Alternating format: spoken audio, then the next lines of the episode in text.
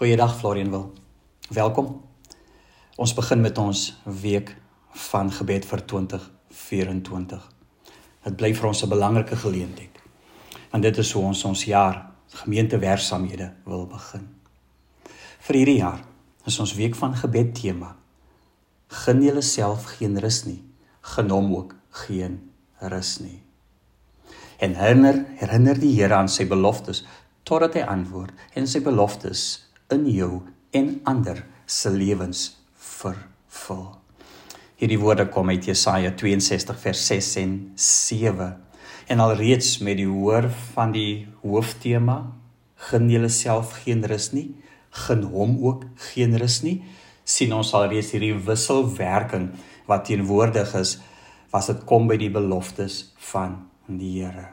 Is nooit teensydig nie. Maar goed, My gebed is dat ons eintlik in hierdie paar dae wat voor ons lê iets hiervan sal besef, ook wat ons aandeel is, maar besonder wat die Here vir ons gee en wat die Here vir ons beloof. Volgens sommige is daar meer as 7400 beloftes, spesifieke beloftes van God tot mense. So hierdie is baie beloftes in die Bybel. En hulle wissel. Jy kry Hebreë seëninge wat die hele mensdom raak of wat in die algemeen gesê word en beloof word deur die Here en dan kry jy spesifieke beloftes of verbonde wat die Here byvoorbeeld gesluit het met sy kinders. Dink aan Noag, Abraham, Isak en Jakob en ook hulle nageslag. So dit betrek die gemeenskap, maar dit het te doen ook met die individu. Dit gaan oor alle dele van ons as mense se lewens. Dis oorvloedig, maar ook baie divers. So dit dek alles in ons lewe. Dit's letterlik 'n belofte oor enigiets in ons lewe. So Jesaja 62 waar hy die bewoording van ons tema kom, wil ons dan uiteindelik leer dat ons die Here moet herinner aan sy beloftes totdat hy antwoord.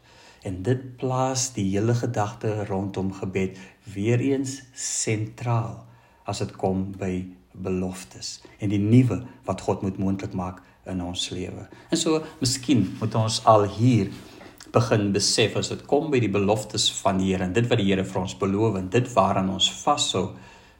Dink al reeds daaraan die belangrikheid van gebed om hierdie beloftes in besit te neem, die herinnering van die Here aan sy beloftes.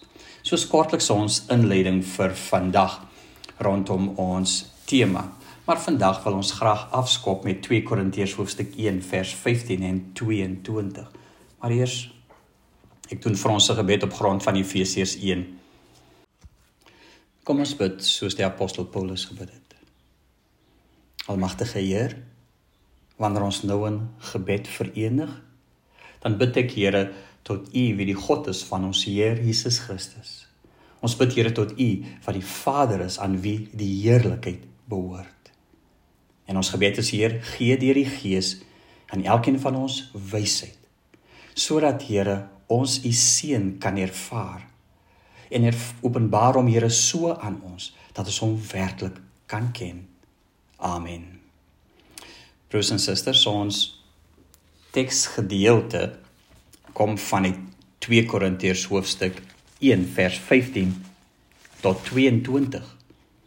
En ons tema vir vandag is in Jesus is al God se beloftes waar. Die gedeelte lees daarom soos volg. In hierdie vertroue wou ek vroeër na julle kom sodat julle 'n tweede guns kon ontvang. Ek wou by julle langs die reis na Macedonië om weer van Macedonië af na julle terug te kom en deur julle na Judea toe voortgehelp te word. Ek het tog nie ligtelik gehandel toe ek my dit voorgenem het nie. Of beplan ek wat ek beplan het menslike swakheid sodat wat my betref ja ja te gelyk nee nee kan wees. Maar God is getrou. Ons woorde aan julle is nie te gelyk ja en nee nie. Want Jesus Christus, die seun van God wat deur wat deur ons aan julle verkondig is deur my en Silvanus en Timoteus was nie ja en nee nie. Inteendeel, In hom het dit ja geword. Want hoeveel beloftes van God daar ook mag wees, in hom is hulle ja. Daarom sê ons deur hom amen aan God tot sy eer. Dit is God wat ons saam met julle in Christus 'n vaste fondament gegee het en ons gesalf het. Wat ons ook verseël en die Gees as waarborg in ons harte gegee het. Tot sover die woord van ons Here in 2 Korintiërs hoofstuk 1. Ek dink die enigeen van ons het 'n probleem om te aanvaar en selfs te glo dat God bestaan nie. Ek dink nie so nie. En hoe weet ons dat hierdie feit waar is? Ek dink nie ons het vandag die tyd om oor al die godsbewyse te praat nie. Maar as ek net een ding hier tog kan noem. Ons het 'n ingeboude sin vir geregtigheid. Dis nou ons as mense. Selfs klein kinders op die speelgrond, hulle weet wanneer daar aanve gespeel word. Geregtigheid is ingebou in ons, in ons. En daarom wil ons dinge regmaak. As iets by die huis stikkend is, dan wil ons en ons moet dit regmaak. Dis net hoe dit moet wees.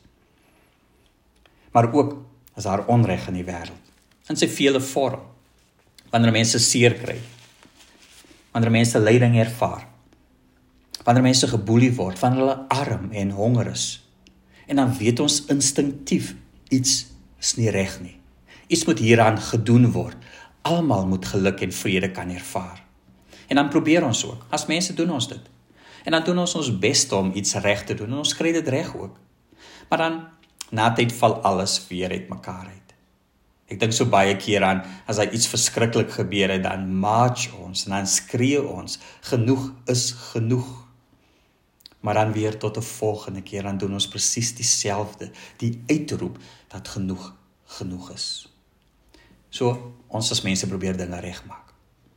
Maar hoe doen ons dit volhoubaar is die vraag. En hoe stop ons die konstante ongeregtigheid in hierdie wêreld? Iemand moet help. Iemand moet ons red. En ek dink die presies die rede hoekom ons so voel is omdat daar werklik iemand is wat met ons praat. As iemand wat omgee vir hierdie wêreld en in ons Christelike godsdiens leer ons dat ons praat van God. Dat God ons geskep het, gemaak het en dat hy geregtigheid en 'n sin van geregtigheid in ons harte en lewens geplaas het, want God is geregtigheid self. En dan weet ons ook vanuit ons godsdiens en ons Bybel uit, hy is die een wat ons in ons wêreld kan red. Is vaar. So ja, ons weet dat daar 'n God is. As hierdie mooi verhaaltjie van Sofia Cavalletti.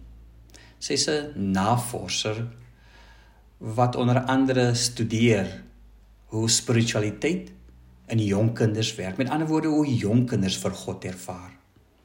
En dan sê sy wat sy normaalweg uitvind is dat kinders 'n mooi mooi kan ervaar dat daar dat God daar is en dat as hulle geleer word oor die Here en oor sy woord, dan vang hulle dit makliker.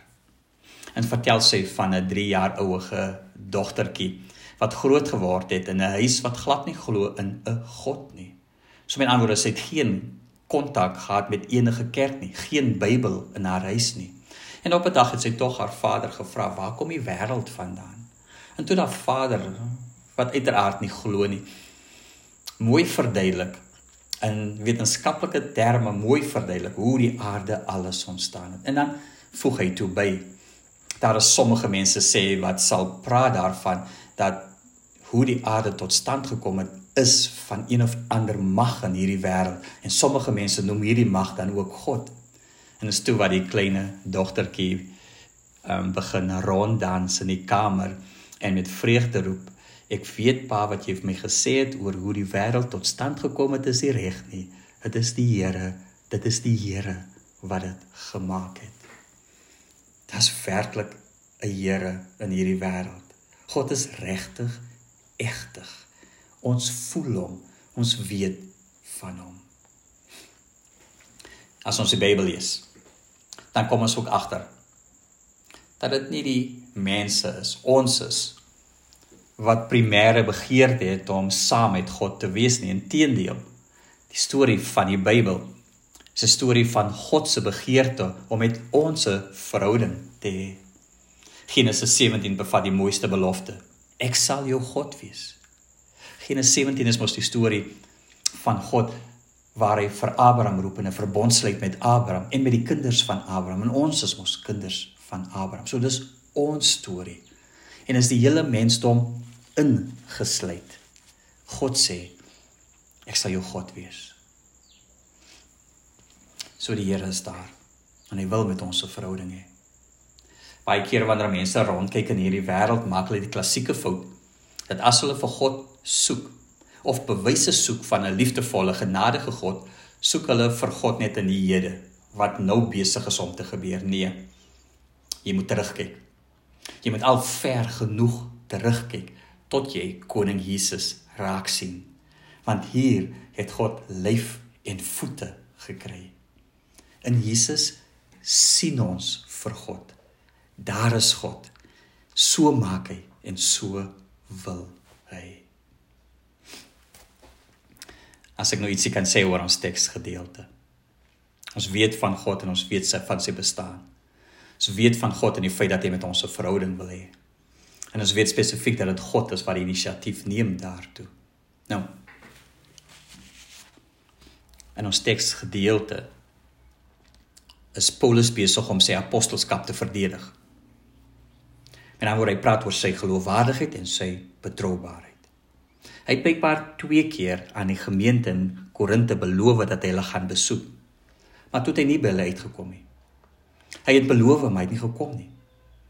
Toe besluit die Korintiërs dat hy onbetroubaar is en daarom nie meer geloofwaardig is as apostel van die Here nie. En dis hoekom hy nou so Paulus nou so ernstig aan hulle skryf. Hy sê my ja is nie nee nie en my nee is nie ja nie. En hy sê 'n ongelooflike ding ook in vers 8 en hy sê soos God betroubaar is, so is hy in sy woord ook betroubaar. So ernstig is Paulus oor hierdie geloofwaardigheid van hom as apostel van die Here.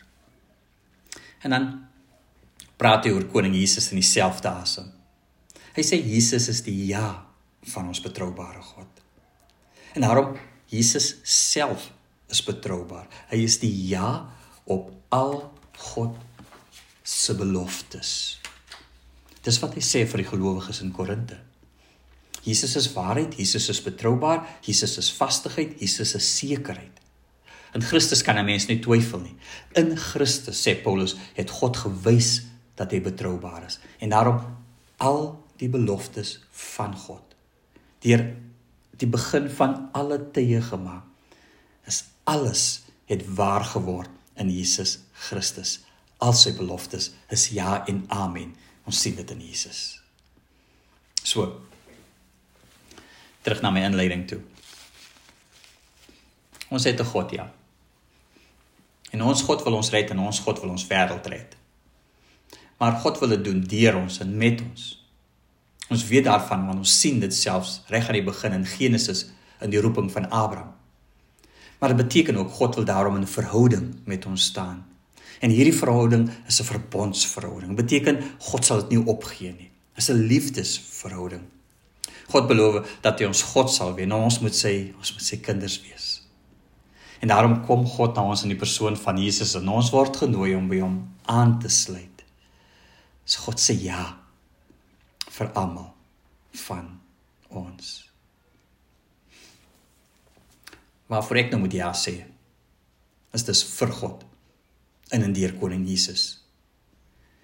En ek dink miskien is vandag na die lang inleiding en alles wat ek gesê het, seker hierdie die belangrikste die grootste blessing ooit is om die God van hemel en aarde te ken as my hemelse Vader wat oneindig lief is vir my en daarmee alle en daarmee alle beloftes in besit kan neem van my hemelse Vader vir my.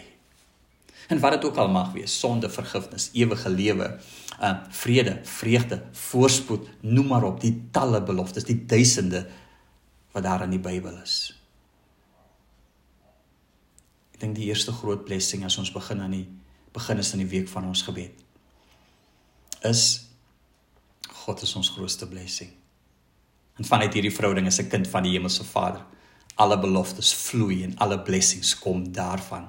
Is van die verhouding dat ek werklik groei in Christus en dat die wêreld 'n beter plek gemaak word en so kry ek 'n vervulde lewe ook vandag.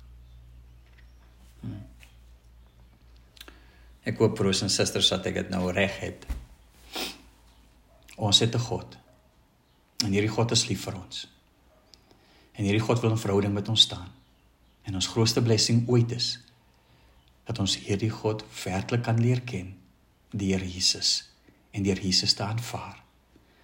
En as ons hierdie eerste stap reg het, hierdie eerste verhouding reg het, dan vloei alles daaruit. En dan word die beloftes wat beloof word in die woord dit kan en sal waar in my lewe. Amen. Dankie Heer vir die genade. En dankie Here dat ons U Vader kan noem. En dankie Here dat U ons ken.